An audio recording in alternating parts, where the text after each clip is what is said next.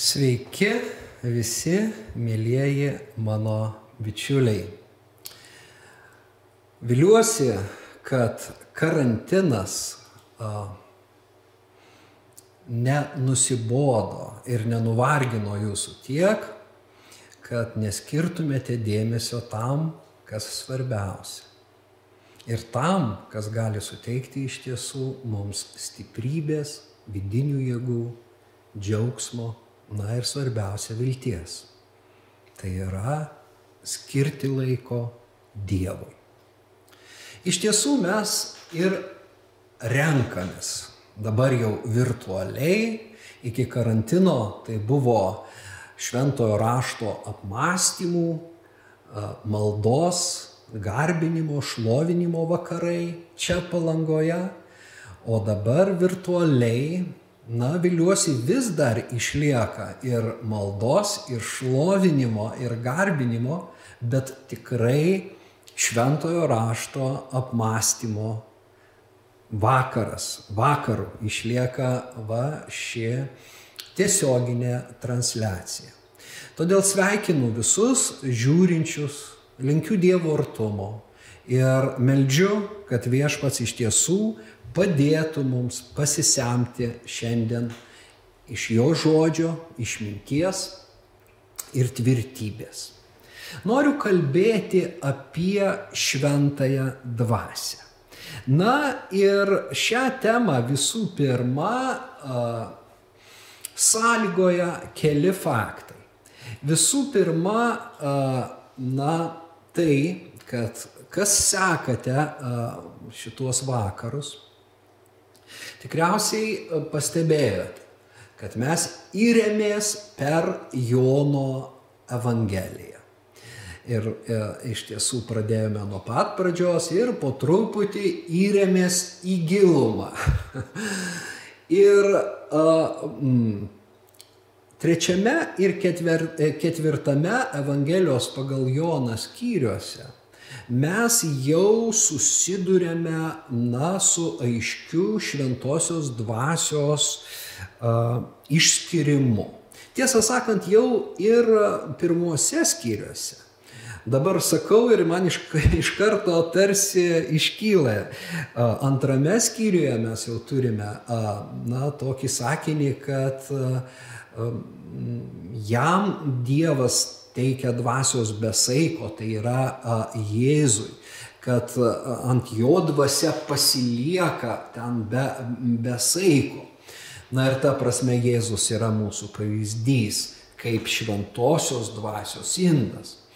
Bet ypač trečiame skyriuje, pokalbėje su Nikodemu, Jėzus iškelia šitą imperatyvą, kad iš tiesų, iš tiesų sakau tau, reikia atgimti iš dvasios, nes kas negims iš vandens ir dvasios, tas neregės Dievo karalystės, tas neįeis į Dievo karalystę.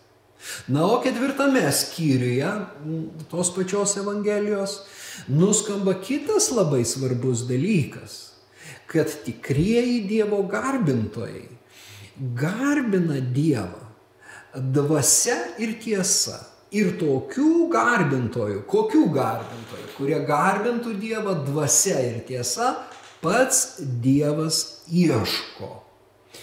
Na tai natūraliai dabar jau prašyte prašosi ši tema apie šventąją dvasę, nes e, skaitytojui iškyla klausimas.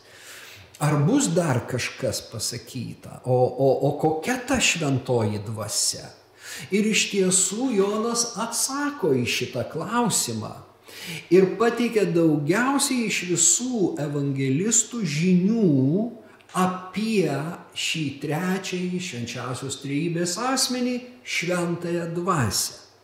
Tik tai mums reikia praversti ne vieną skyrių ir ne du, o iš tiesų nusileisti keturioliktame skyriuje jau į paskutinės vakarienės sceną, kur skamba pamokymai apie šventąją dvasę. Bet kadangi kaip jau, na, paminėjau, tai išplaukia iš trečio ir ketvirto skyriaus tiesiogiai, tai nieko tokio, kad mes praversime tuos, na, skyrius šioje Evangelijoje šiandien.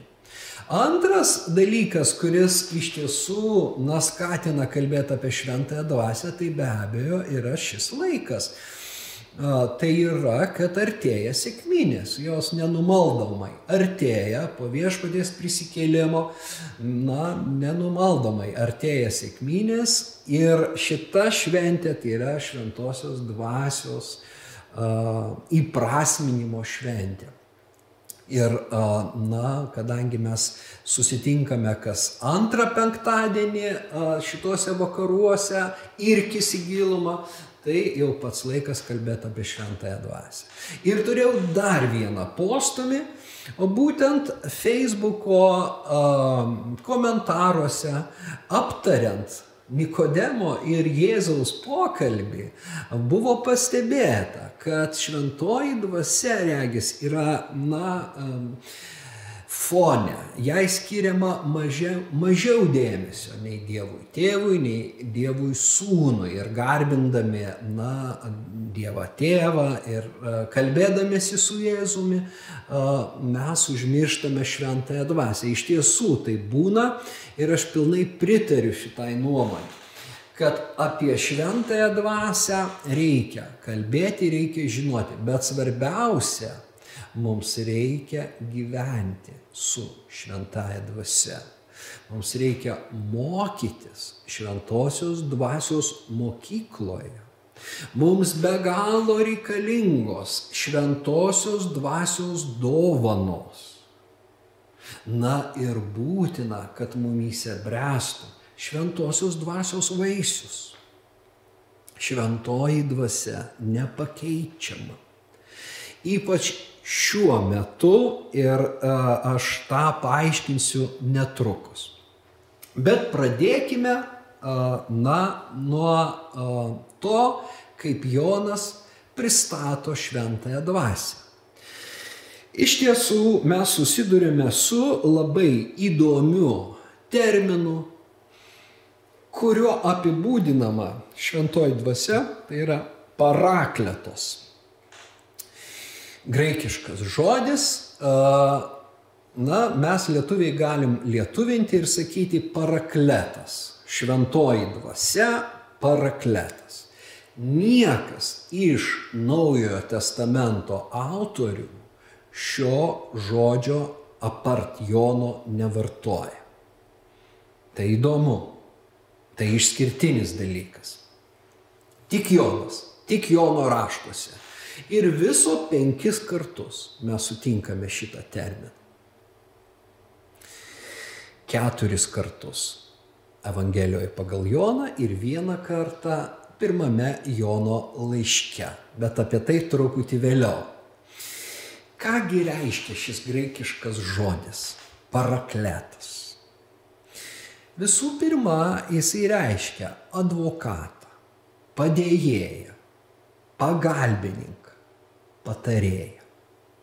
Žodis ateina iš juridinio konteksto. Ne iš religinio konteksto, iš juridinio konteksto. Na ir lotyniškai rašę bažnyčios tėvai šiam graikiškam žodžiui parinko, spėkite ką, kokį lotynišką atitikmenį. Visi mes jį žinome iš tiesų, nes lietuviai pasiskolino iš lotynų kalbos, tai yra advokatas. Štai šventoji dvasia kaip advokatas bažnyčios tėvams. Na, nelaukta, ar ne? Nors jeigu pradėsite mąstyti, tikriausiai prisiminsite kai kurias Naujojo testamento vietas, Na, kaip pavyzdžiui iš laiško romiečiams, kur apaštalas sako, kad šventoji dvasia užtaria mus neišsakomomis dėjonėmis arba nu, dėjavimu, kurio negalima išsakyti artikuliuota kalba. Mm, na, tas užtarimo kaip advokato vaidmuo. Bet iš tiesų graikų romėnų, na, ypatingo, ypatingai imperijoje, egzistavo patronai. Ir patronai turėjo savo klientus, kurie kiekvieną rytą eidavo tikėdamėsi gauti savo kasdienės duonos, kažkokio tai davinio, na ir daug kitų dalykų. Bet patronas taip pat iškilus poreikiui atstovaudavo savo klientą teisme ir teisme, na, jį gindavo arba jį užtardavo. Tai, na, štai, štai koks yra tas kontekstas, iš kurio ateina parakletos, parakletas. Bet taip pat Naujam testamente mes turime veiksmažodį. Ir va štai tas, na, veiksmažodis tai jau daug yra vartojamas apaštalo Pauliaus. Parakaleo. Ir jis, na, visų pirma, pažodžiui reikštų pakviesti kažką būti šalia, pakviesti būti šalia, kad padėtų, na, bet dažniausiai kontekstuose įvairiausiai šitą žodį tenka versti ir jo reikšmės yra tokios kaip raginti, drąsinti, skatinti ir guosti. Tai yra tiek padrasinimo, paskatinimo, tiek ir paguodos veiksmas. Na, iš čia ir mes turime tą Česlovo Kavaliausko redakciją vieną, kurioje šventoji dvasia Jono Evangelijoje pristatoma kaip godėjas, o kitoje redakcijoje pristatoma kaip globėjas. Taip verčiami tie parakleto žodžiai, ta prasme, ta, ta kategorija štai tokiais žodžiais, na, nežinau, man labiau patiktų patarėjo apibūdinimas, nes guodėjas apima tik vieną sritį, na, tą, be abejo, advokatas, kai jis puikiai tave užtaria, na, prokuroro akivaizdoje arba ieškovo akivaizdoje, o jeigu tu esi prasikaltęs, tai teikia didelę paguodą, bet tai yra daugiau nei paguoda. Tai vad, advokatas ir patarė. Ir kaip mes tuoj tuoj pamatysime, šventosios dvasios, na, e, veikime yra daugiau funkcijų, daugiau tų charakteristikų. Ir patarėjas e, būtų, na, pilnai išeinantis tiek iš žodžio etimologijos, tiek iš to meto konteksto, tiek ir iš Evangelijoje suteikiamų prasmių. Nors aišku, ka, tas vat įdomus dalykas, dabar jau turiu pasakyti, kad šituo žodžiu Jonas apibūdina ir patį Jėzų. Ir tai yra pirmas laiškas, na, kai jisai sako, kad jei kuris nusidėtų iš mūsų, tai mes turime užtarėję pas tėvą teisų Jėzų Kristų. Ir ten yra nekas kita kaip parakleton. Tas pats uh, žodis, kuriuo Evangelijoje apibūdinama šventoji dvasia, laiške apibūdina Jėzų. Štai mes atėjome prie pirmo dalyko, kurį aš noriu pabrėžti šį vakarą. O jis yra toks. Šventoji dvasia yra Jėzaus Kristaus tarnystės ir misijos tesėja, perėmėja. Šventoji dvasia perima pradėtą Jėzaus darbą. Ir tai mums labai labai yra svarbu. Ir čia aš norėčiau paskaityti iš Evangelijos pagal Joną, atėjo laikas mums perskaityti pirmą ištrauką. Ir, na, apmastyti ją.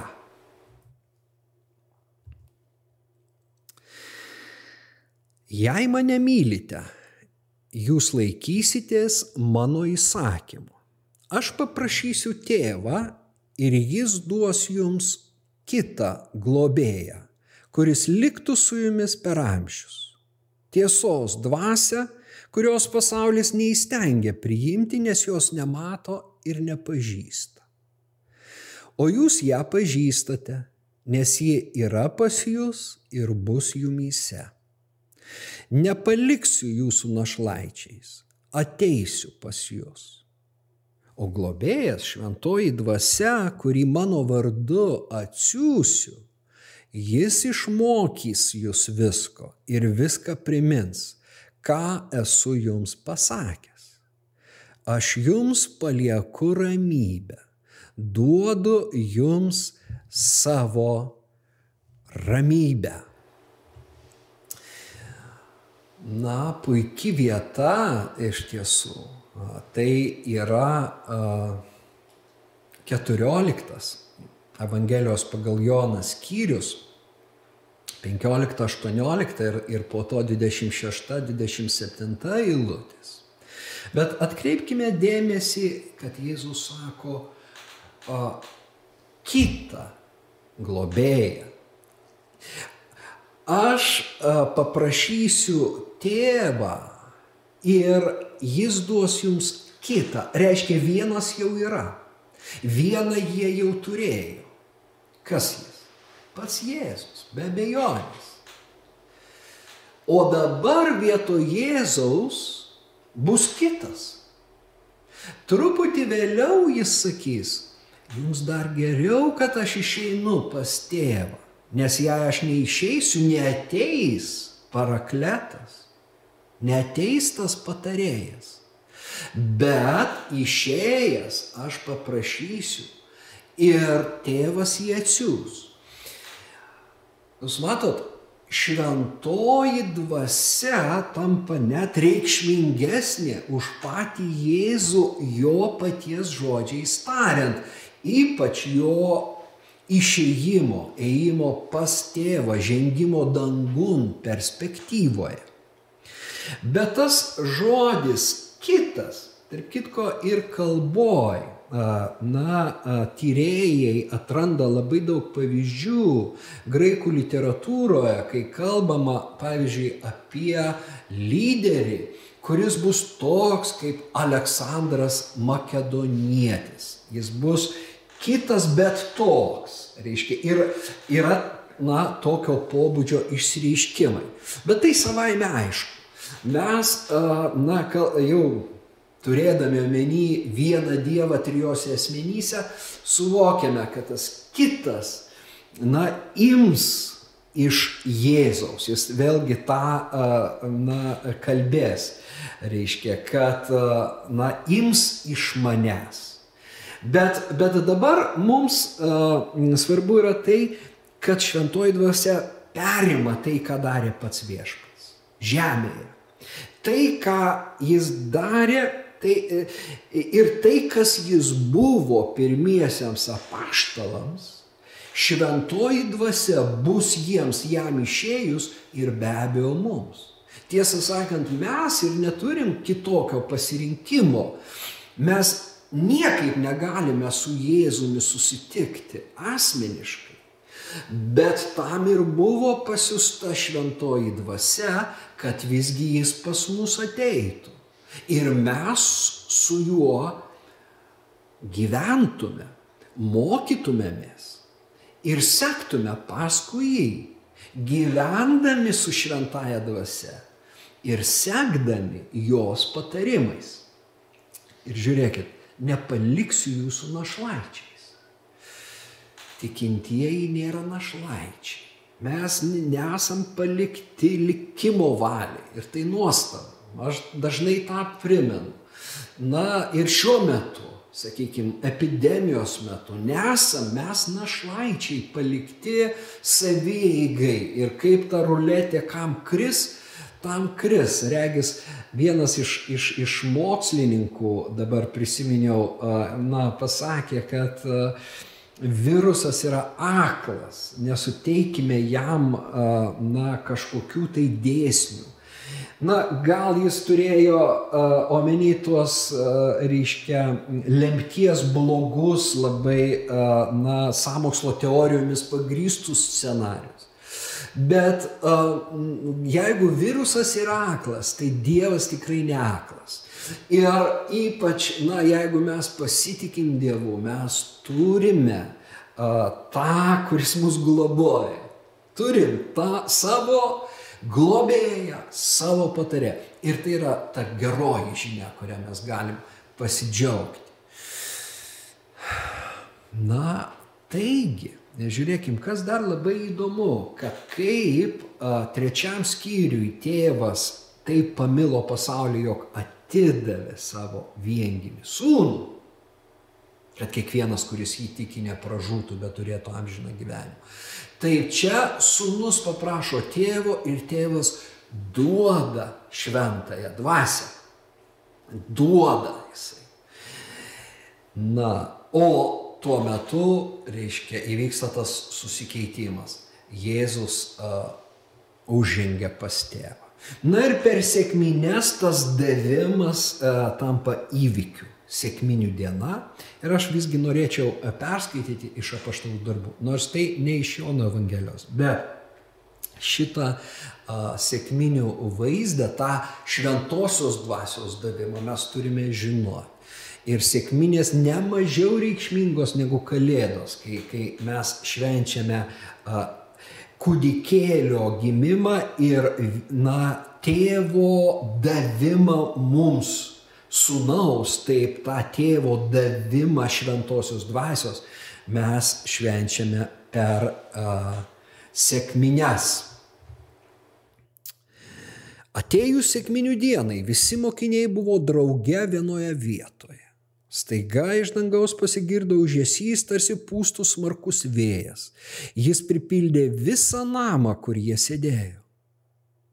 Jiems pasirodė tarsi ugnies liežuviai kurie pasidalyję nusileido ant kiekvieno iš jų. Visi pasidarė pilni šventosios dvasios ir pradėjo kalbėti kitomis kalbomis, kaip dvasia jiems davė prabilti. Taigi,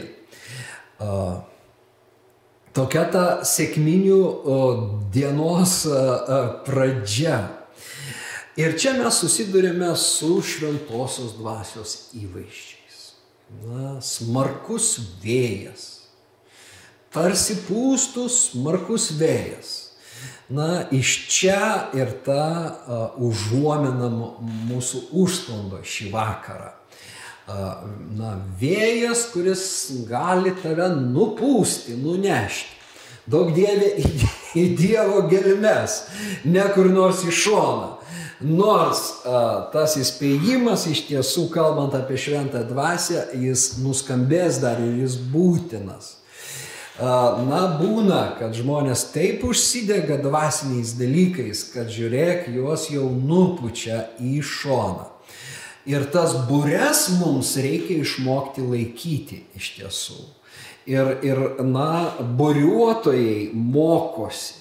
Taip ir mums žengiant į dvasios gelmes ir gyvenimą su šventaja dvasia, reikia daug mokytis, kad neužneštų, kad neapvirstų mūsų tikėjimo laivai ir nedaug dievė nesuduštų.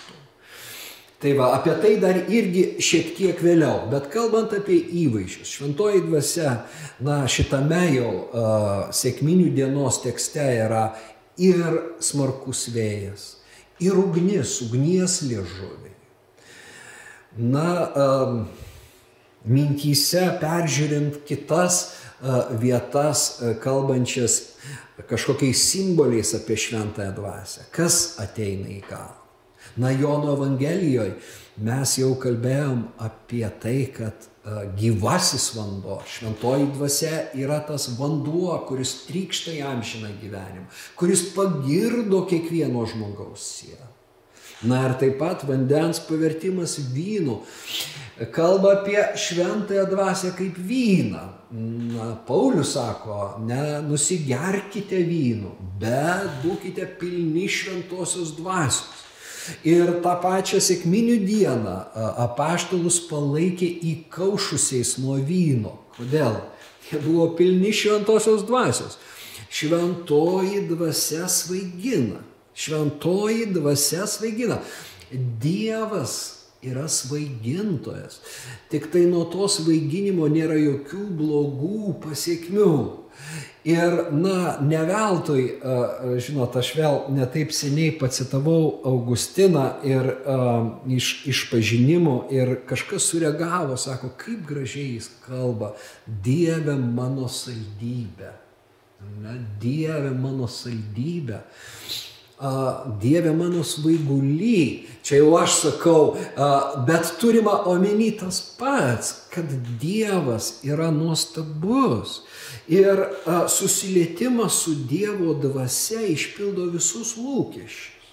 Ir žmogui nebereikia tų surogatų, vad kur yra ta paslaptis, ypač jaunam žmogui. Ir ne tik, norisi svaigintis, svaigintis, kažkaip kodėl atrasti tos surogatus, kad jam lengviau būtų gyventi. Bet, bet tie surogatai yra falšyvi, tai, tai netikra tikra yra šventoji dvasia ir štai ko trokšta žmogaus siela, mums be galo ji reikalinga. Na ir be abejo galima dar pridėti balandį sinoptinėse evangelijose, kaip balandis šventoji dvasia nužengiant Jėzaus, bet tai jau būtų labiau, aš manau, iš hebrajiško konteksto ateinantis tyrumo na, įvaizdis.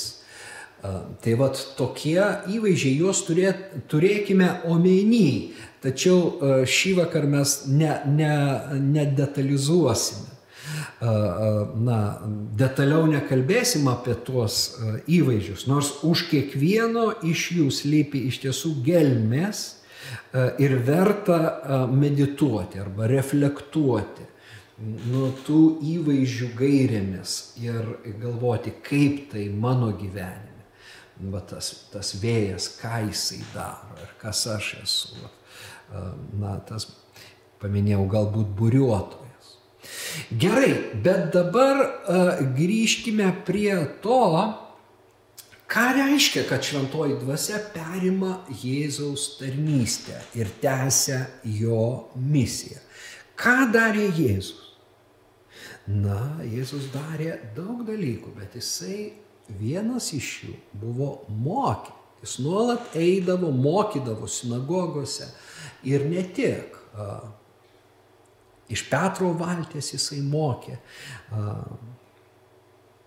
Ant kalno sėdėjo daug žmonių minių, jis mokė, na, po to pamaitino juos, padauginęs duoną ir žuvis. Ir jis mokė kitaip nei rašto žinovai, kaip turintys galę, jo mokymas praverdavo širdis, pra, na, paliesdavo giliai širdį, atverdavo žmonės. Tas mokymas buvo gyvas. Tai vad, čia šitame tekste, kai Jonas pradeda pristatyti parakletą, jisai ir pabrėžė, kad tęs šventoji dvasia šią misiją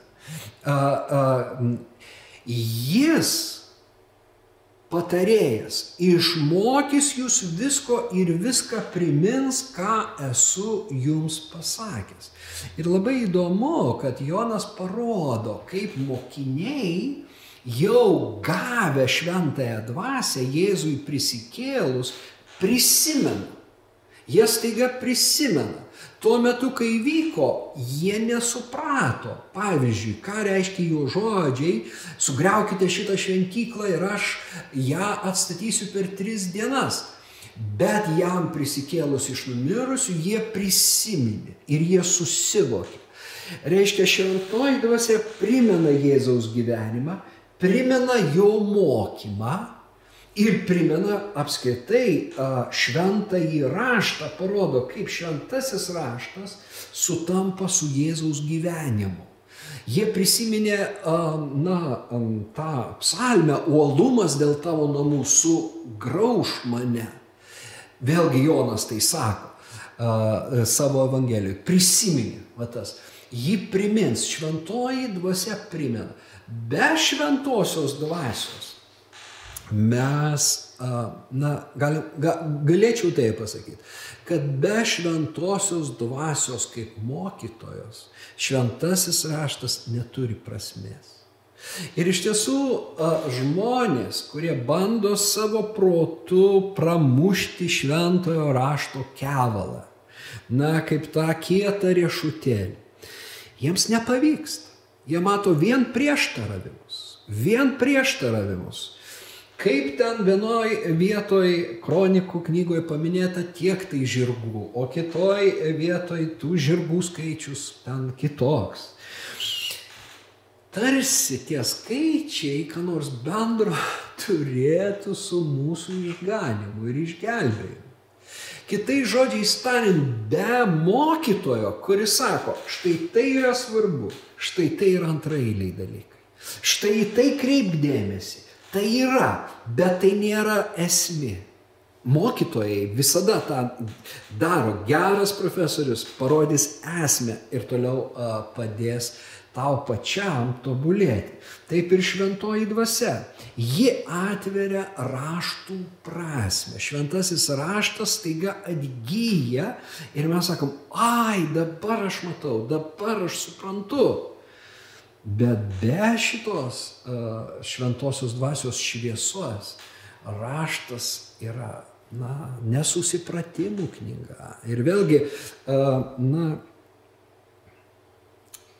Augustinas išpažinimuose jisai labai gražiai aprašo, kaip jis, aprašo, kaip jis skaitydavo šventąjį raštą ir matė vien nesąmonės prieštaravimus ir jam daugiau imponavo Cicerono kalbos.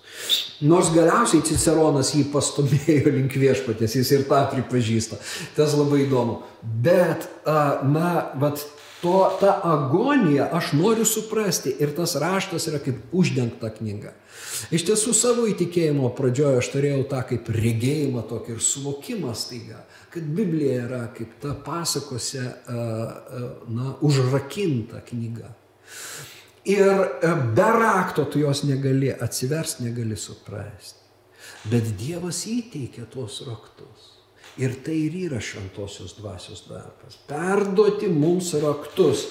Ir staiga mes trakšt ir tas atsiveria knyga. O, kaip įdomu, kaip gražu, kaip viskas e, logiška.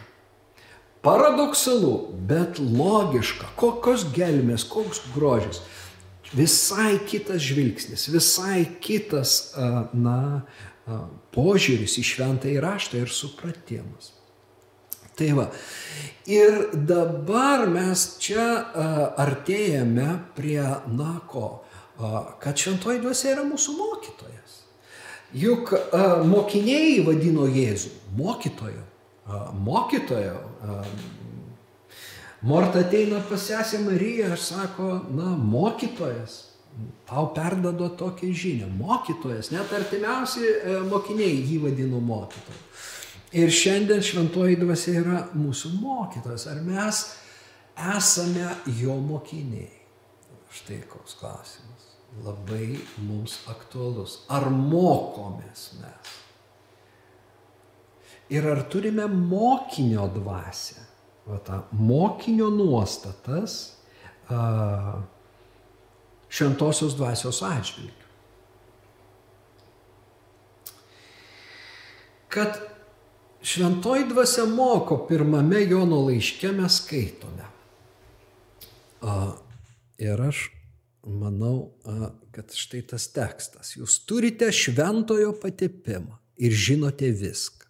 Patepimas, kurį iš jo gavote, pasilieka jumise Ir nereikia, kad jūs kas nors mokytų, nes pats jo patepimas moko jūs visko. Ir jis yra tiesa, o ne melas. Taigi matome uh, patepimą, šventąją dvasę. Čia na, patepimas yra kitas žodis, jis jau ateina iš Senojo testamento, bet turima omeny ne kas kita kaip šventoji dvasia, kuri moko.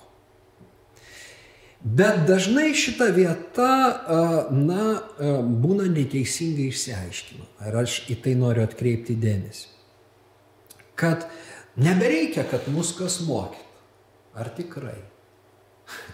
Ar tikrai nebereikalingi mokytojai? Ne. Jonas ne tai turi omeny. Jis pats juk moko. Tiek Evangelija, tiek jo laiškai yra tai, ką jis moko. Bet jis moko šventojoj dvasiui. Ir tie, kuris, kuriuos jis nori mokyti, yra susidūrę su kitais mokytojais. Ir su kitomis dvasiomis, kurias jis įvardina vėliau. Kad, na, yra tiesos dvasia, ką mes jau skaitėm. Apskritai, mokytoja šventoji dvasia veda į visą tiesą. Štai, štai tikslas, kad mes pamatytume visą vaizdą, ne truputį tiesos, ne dalį tiesos, tiesos pilnatvę. Bet šitoje kelionėje mes susidurėme su klaidos dvasiomis. Ir esama klaidos dvasios kaip priešingybės tiesos dvasiai. Ir štai ką Jonas sako, jis užtikrintas, kad jo mokiniai yra gavę, na, šventąją dvasę. Ir kad klausydami tai, ką jis kalba, ir tada klausydami tai, kas yra jų viduj, jie atras harmoniją, sakys, taip, tai, ką aš girdžiu, patvirtina tai, kas, tai, ką man šventoji dvasia kalba. Tai yra tas, na, susijungimas. Taigi neteisinga sakyti, kad mums mokytojų nereikia. Priešingai. Bažnyčiai mokytojai labai reikalingi. Apaštalas Paulius save vadina a, iš tiesų tikėjimo ir tiesos mokytoju. Ir Jonas irgi lygiai taip pat yra tas tiesos mokytojas, bet jisai sako, klausykit ir savo širdies ir jūs atsirinksite. Jūs pamatysite, kad tie mokytojai su, su, to, su tomis klaidos dvasiomis, na, kurias uh, jie perdoda, nėra tikri mokytojai.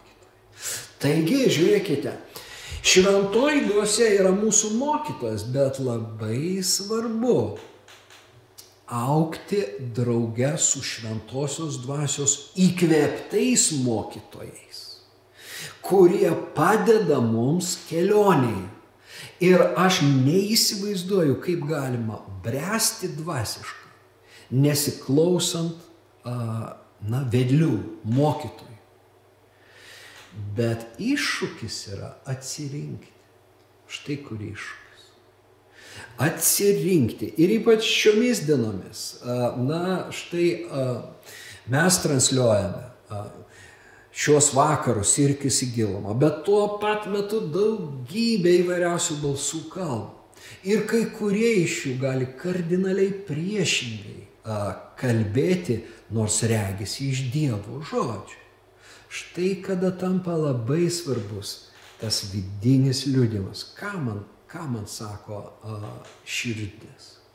Ir vat čia kaip ir Jonas pasufleruoja 14 skyriuje, kalbėdamas apie parakletą ir apie tai, kad nepaliks mūsų našlaičių, jisai sako, palieku jums ramybę, duodu jums ramybę, ne kaip pasaulis duoda.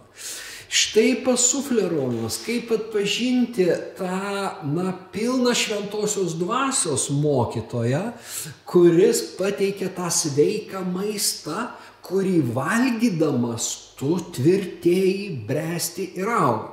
Nes iš tiesų mūsų tikslas, bent jau apaštalai to siekia, kad bažnyčia subręstų ir taptų Kristaus amžiaus. Kristaus pilnatvės amžiaus. Tokia branda turi ateiti. Ne kūdikiai nešiojami įvairiausių mokymo vėjų. Čia jau Pauliaus mintis. Iš laiško Efeziečiams. Bet kas brandus vyrai, kad mes subręstume. Ir, ir tik valgydami sveiką maistą mes pradedame bręsti ir širdį užtvindo ramybė. Kitu atveju, žiūrėk, mes mėtomės į kairę, į dešinę ir taip toliau. Ir tos paguodos kaip ir nu nėra ir nėra. Arba dar kitas dalykas. Nebūtinai tai gali būti klaidos dvasios. Tai gali būti Kristaus pradžiamokslis. Ir štai va, visa ta na, mūsų pasirinktas moto, maksima, irkis į gilumą. Neužstrik pradžiamokslė pirmuose pradiniuose dalykuose ir klasėse šitos mokyklos, bet irkis į gilumą, giliau, tam, kad brestume, tam, kad taptume tikri Jėzaus Kristaus mokiniai. Na, nemažai mes čia, na, aptarėme. Dar vieną dalyką pasakysiu, nors tai nėra šio vakaro tema, šventosios dvasios dovanos yra atskira tema. Bet kai apaštalas Paulius pirmame laiške korintiečiams vardina šventosios dvasios dovanų hierarchiją, ką jisai pirmoji vietoj iškelia? Kas yra aukščiausios dovanos? tą hierarchiją mes turim žinot. Tai nėra atsitiktinai Pauliaus surašyti. Aukščiausios dvi dovanos, pasak Pauliaus, yra išminties žodis ir pažinimo žodis. Išmintis ir pažinimas.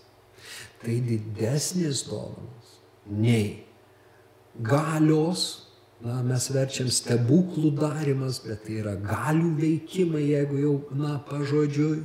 Be abejo, parakletas yra gale. Šventosios dvasios gale yra ta gale. Tačiau gale turi būti suvaldyta išminties.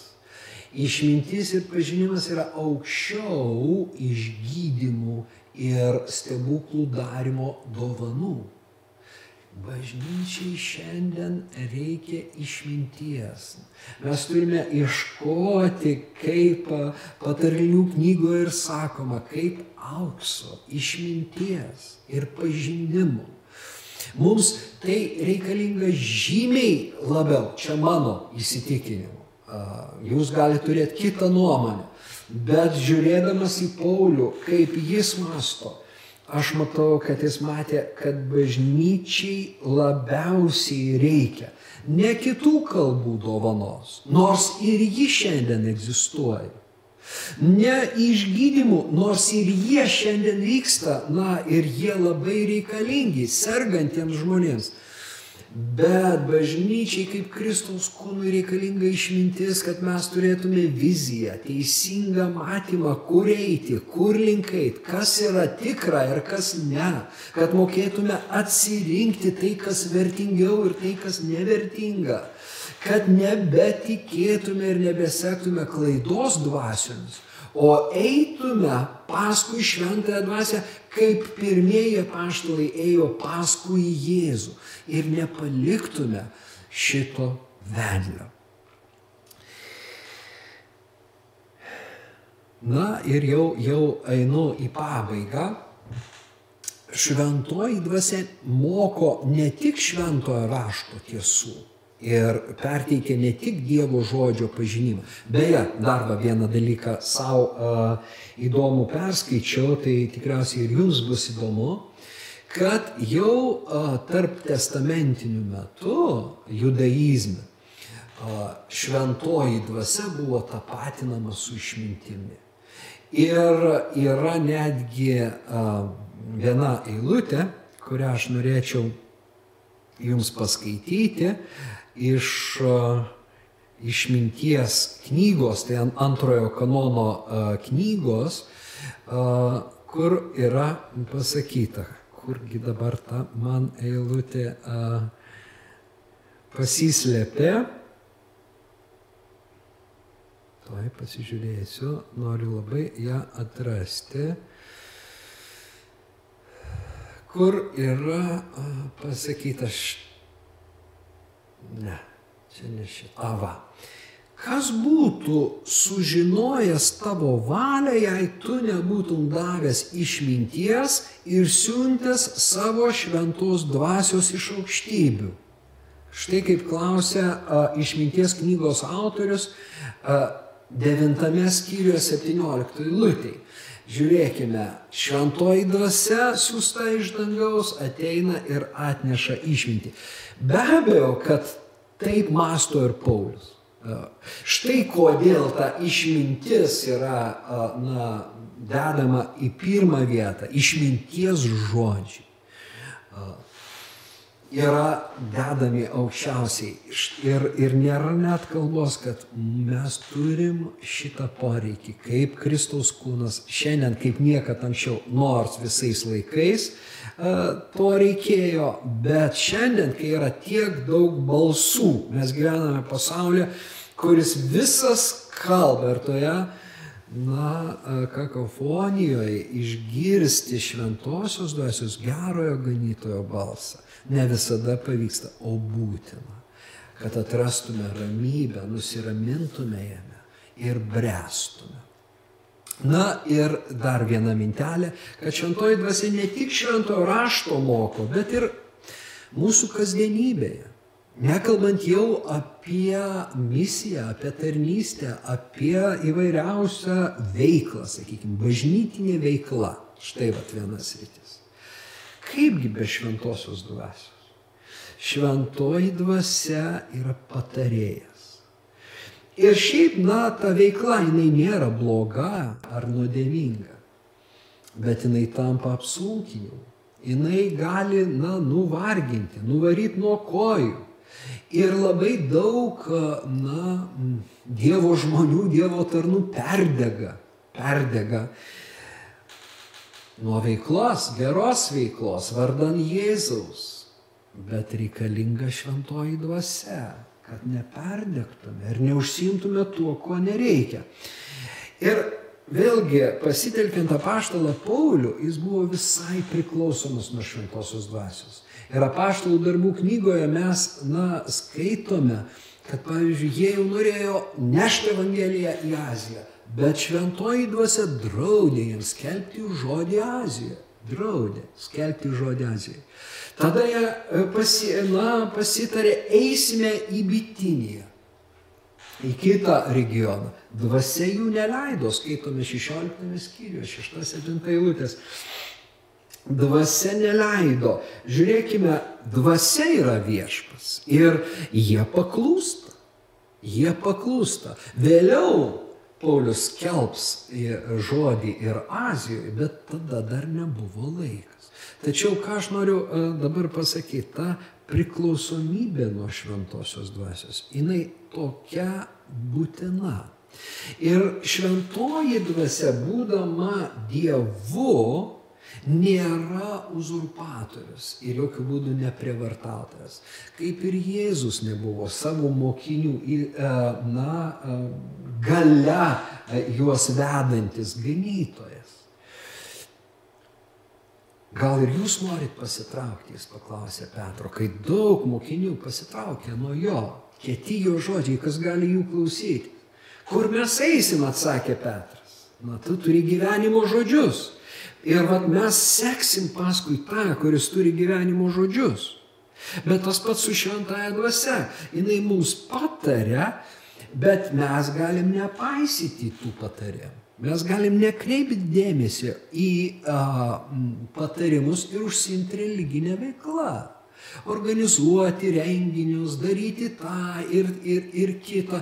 Tik klausimas, ar tai šventosios dvasios vedami mes tai darom. Ar laikas tai daryti? Ką karantino metu Dievas nori, kad mes išmoktume, kokias pamokas, kaip svarbu šį laiką prasmingai išnaudoti. Na, aš manau, nėra nieko geriau karantino metu, kaip irtis į gilumą. Skirti laiko bažnyčios tėvams na ne tik šventajam raštui.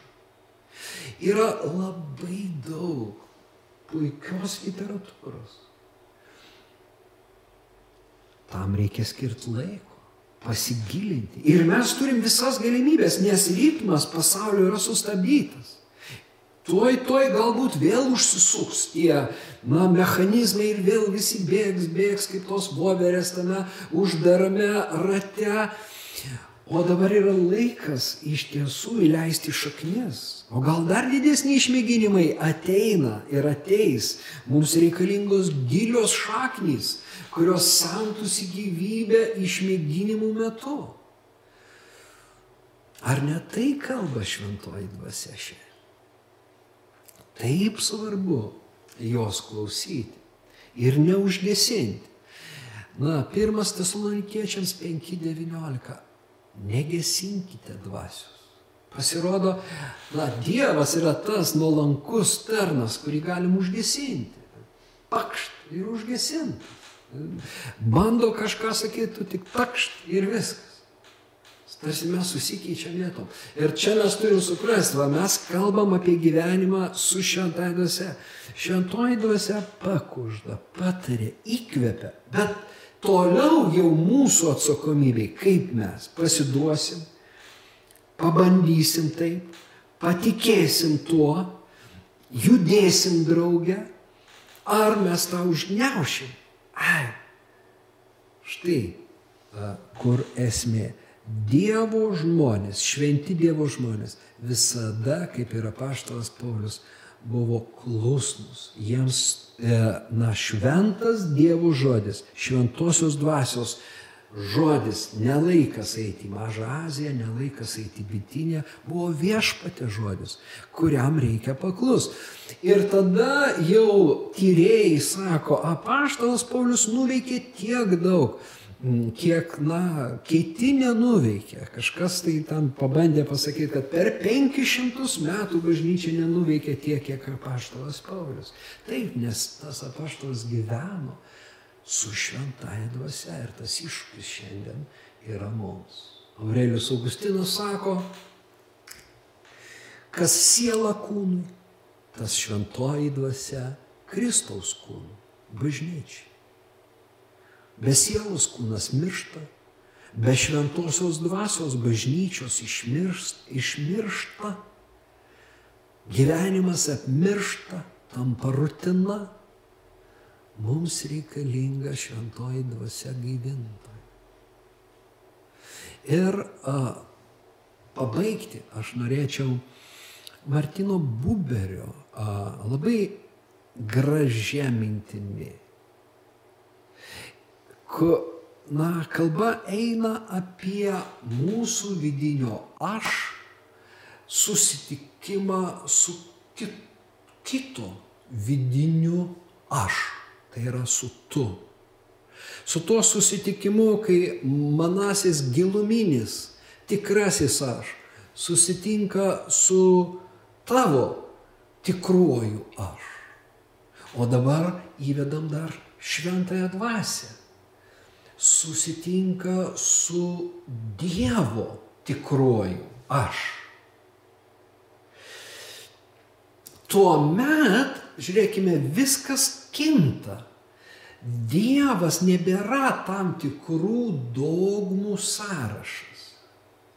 Dievas nebėra tik tai tam tikros doktrinos. Dievas yra gyvas asmuo.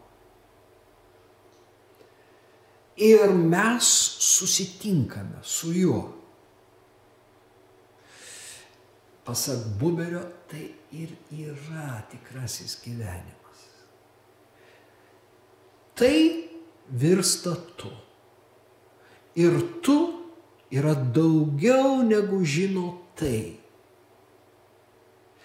Žiūrėkime, Dievas dažna kartą būna tai Mes žinom apie Dievą. Tai ir tai ir dar tai. Bet ne, nebūtinai tai blogai, ką mes žinom. Bet ateina valanda, kai mes susitinkame su tu, su tuo Dievu, apie kurį žinojame ar girdėjome. Ir vyksta virsmas. Tu yra daugiau nei tai. Tu nuveikia daugiau ir jam daugiau nutinka, negu žino tai. Į šį santyki neįsiskverbia jokia apgaulė. Čia tikrojo gyvenimo lopšys. Koks nuostabus žodis ir palinkėjimas. Supkime šiame lopšyje, gyvenimo lopšyje, draugaudami su šventaja dvasia. Šioje vietoje aš, kaip ir įprasta tiesioginių transliacijų metu, noriu padaryti a, nedidelę pauzę, kurios metu jūs galite parašyti, a, užduoti jums rūpimą klausimą iš mūsų temos, na, kažkokią refleksiją užrašyti. Ir a, po kelių minučių mes vėl a, susitiksime dar trumpam aptarimui.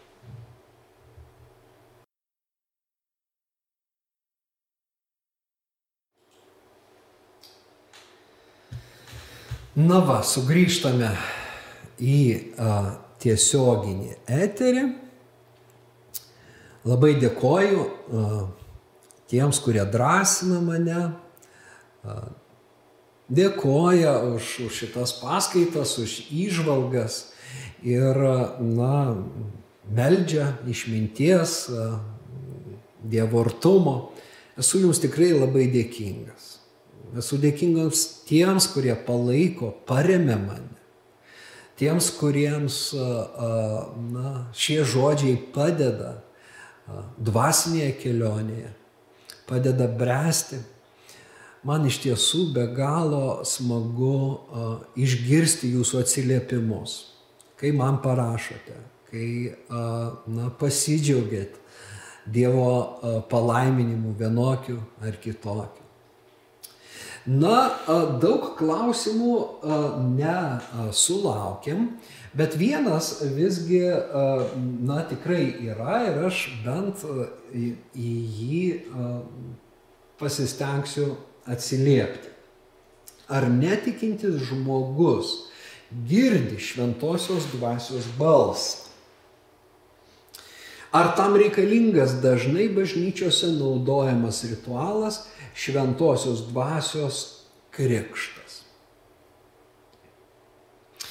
Iš tiesų į pirmąją klausimo dalį mums atsako, na, pats Jėzus. Tekste, kurį e, skaitėme pačioje pradžioje. Ah. Tėvas duos tą tiesos dvasę, kad jį liktų su jumis per amžius, kurios pasaulis neįstengia priimti, nes jos nemato ir nepažįsta. Tai va, tai aš kai kalbėjau apie žmonės, kurie šventajame rašte mato tik prieštaravimus, irgi, na, jau turėjau omeny tą patį, kad iš tiesų netikintis žmogus, sakykime, na taip, netikintis žmogus gyvenantis pasaulio dėsniais. Na, kas tie yra pasaulio dėsniai? Netikėjime. Šventosios dvasios negirdi ir nesupranta. Visgi šventoji dvasia veikia tokiu būdu, kad atveda žmonės iki tikėjimo. Todėl mes turim išlygą padaryti. Mes turim turėti omeny ir šitą išimtį. Kad bendraja prasme žmonėms, na, Dievas yra tolimas. Ir iš tiesų, na, žmonėms įdomiau kalbėti ir girdėti dažną kartą kažką kito ne apie Dievą. Bet ateina laikas, matomai, kiekvieno žmogaus ir netikinčio gyvenime, kai šventoji dvasia pasibeldžia. Ir tas žmogus iškirsta. Palauk, kažkas beldžiasi mano širdį, kažkas vyksta. Nes jeigu taip nebūtų, nieks netaptų tikinčiuoju. Taigi šventoji dvasia praveria bet kurias ir netikėjimo duris ir ateina na, į, į gyvenimą kiekvieno žmogaus. Kiekvieno žmogaus. Bet kur link jinai veda? Jinai veda į tikėjimą. Na, čia vėl priklausomai nuo teologinių pozicijų. Bet galim sakyti, kad šventoji dvasia pati dovanoja tikėjimą arba skiepija tikėjimą, perdoda tikėjimą ir kad be šventosios dvasios mes apskritai ir tikėt negalėtume. Tai va, na, todėl netikintis žmo, žmogus gali išgirsti šventosios dvasios balsą, bet tai atsilieps jo gyvenime. Jisai iš tiesų, na, pradės domėtis šventuoju raštu, pradės domėtis tuo, kas vyksta bažnyčiai, jam staiga dvasiniai klausimai pasidaro svarbus. Tai a, požymiai, kad šventoji dvasia prakalbo. Bet kitu atveju, na, nu, neišeina a, kalbėti apie šventąją dvasę, nes pats Jėzus sako, jos nemato ir nepažįsta. O jūs ją pažįstate. Tai vad, mes Ir kalbėjom apie tai, kad mums labai svarbu yra susipažinti su šventąją dvasia ir ne tik su, bet susipažinus būti atidiems ka, e, tam, ką jį kalba, na ir sekti ją, būti tikrais mokiniais. Ar reikalingas bažnyčiose naudojamas ritualas? A, vėl, na, kaip yra ri, ritualai. A, sakramentai bažnyčioje yra. Kiek šventai dvasiai per tai pavyksta paliesti žmogaus širdį, čia yra jau atskiras svarstymų klausimas. E, galim būtų pasakyti taip, kad be tikėjimo joks na, ritualas netlieka savo paskirties be tikėjimo. Štai kodėl, na, šventasis raštas ragina mus tikėti. Kokį mes be, na, be paimtume ritualą. Dabar, na, klausia Audrius apie, na, šventosios dvasios krikštą, tikriausiai turi omeny, na, kalbėjimą kitom kalbom. Čia galim apsigauti. Iš tiesų galim apsigauti kuria prasme. Nes uh, yra krikščionių, kurie nekalba kitom kalbom, bet yra pilni šventosios dvasios ir geri šventosios dvasios mokiniai. Švent, ir, ir, ir, na, šiaip sveika teologija, teologinė pozicija atskiria šventosios dvasios ateimą, na, ir šventosios dvasios pripildymą, kurį lydi kitų kalbų dovana.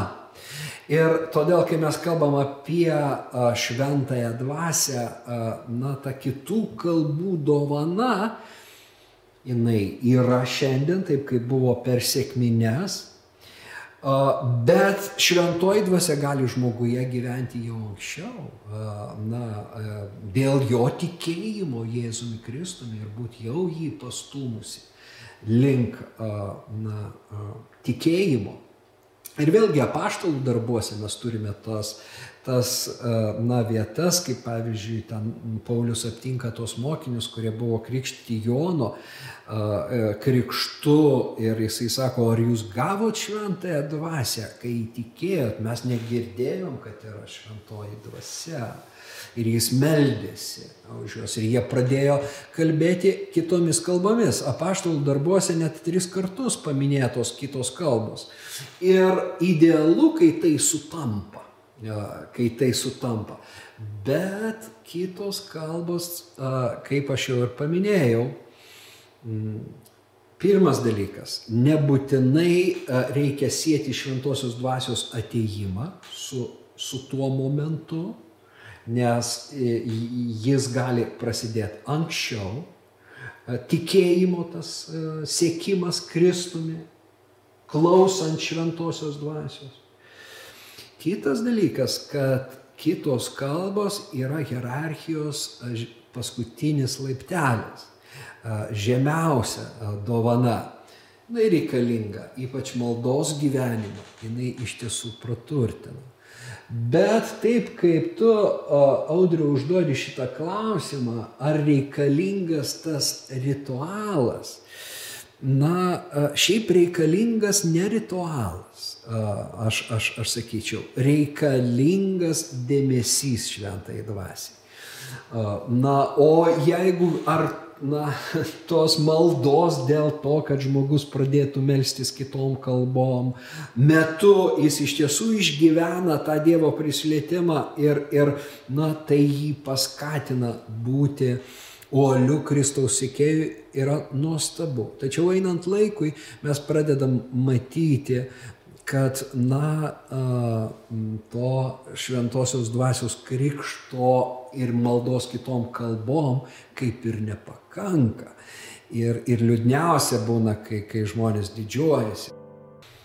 Techniniai nesklandumai, na ką padarysi, iš tiesų internetinis ryšys matyt sustreikavo, bet esmę aš manau, audriau jau pasakiau, na, savo požiūrį į, vat, į šventosios dvasios nu, ritualus vienus ar kitus, nes čia vėlgi mes susidurėme su skirtingais teologiniais požiūriais, su skirtingom tradicijom, vienoje konfesijoje na, vienas sakramentas yra siejamas, sakykime, su šventosios dvasios ateimu, pilnatvę, kitoj bažnyčioje, kitoj konfesijoje, na, bus kitaip šiek tiek.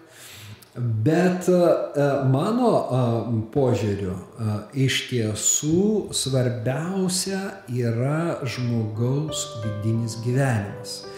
Tai, ką Buberis mums tarsi sufleruoja ir ta citata, kurią aš baigiau prieš pertrauką, kai susitinka aš ir tu. Vat tai yra svarbiausia. Tai yra. Ir labai sunku nustatyti, kada tai įvyksta, kurioj vietoj tai vyksta. Bet kai tai vyksta, tai yra nu, dažniausiai visam likusiam gyvenimui ir, ir visai amžinybei. Na, va, labai ačiū už klausimą. Labai dėkoju dar sykį visiems buvusiems drauge, atsiprašau už techninius nesklandumus, bet jų regis vis mažėja ir, na, man ateina vis didesnė ramybė, kalbantis su jumis štai tokiu būdu. Todėl uh, jau atsisveikinu, linkėdamas jums iš tiesų šventosios dvasios bendrystės.